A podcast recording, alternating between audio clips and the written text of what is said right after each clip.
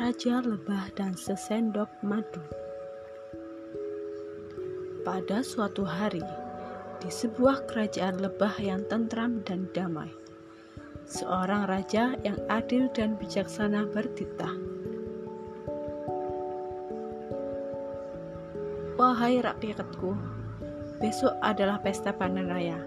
Kalian diwajibkan untuk mengumpulkan madu satu sendok saja dari setiap tempayan madu di rumah kalian.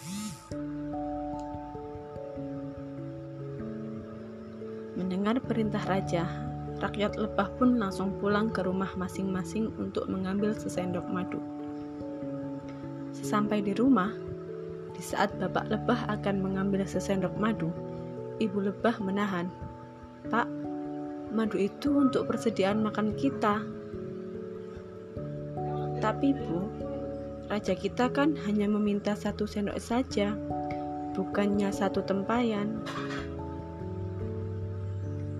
Nanti kita harus membawa apa ke tempat pengumpulan madu? Bagaimana kalau madu itu kita ganti dengan sendok air? Pasti tidak akan ada yang tahu. Usul ibu lebah. Akhirnya, bapak lebah mengikuti usulan ibu lebah. Walau sempat ragu dan takut terlihat, dengan hati-hati Bapak Lebah membawa sesendok air itu ke tempat pengumpulan.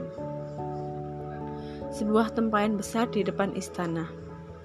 Lebah-lebah lain pun berduyun-duyun mengumpulkan sesendok madu. Setelah semua rakyat menyumbangkan madunya, sang raja langsung memerintahkan prajurit untuk menyimpan tempayan besar tersebut di dalam ruang penyimpanan.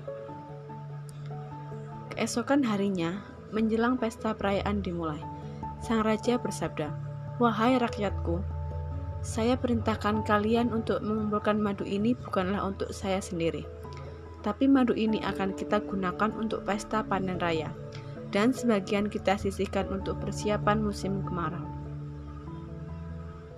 Kemudian sang raja memerintahkan prajurit untuk membuka tempayan besar itu.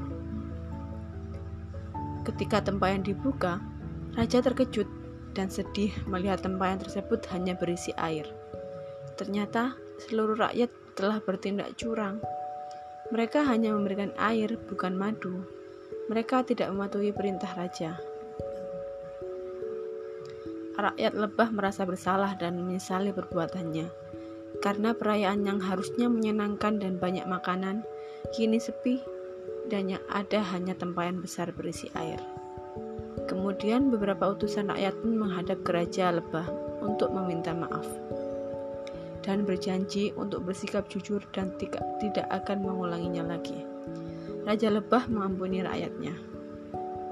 Pada perayaan musim selanjutnya, rakyat bersuka cita mengumpulkan lebih dari sendok madu. Ada buah, bunga, dan makanan lezat lainnya.